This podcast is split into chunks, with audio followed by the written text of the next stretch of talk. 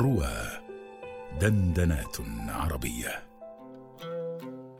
المستضعفون في الحوض.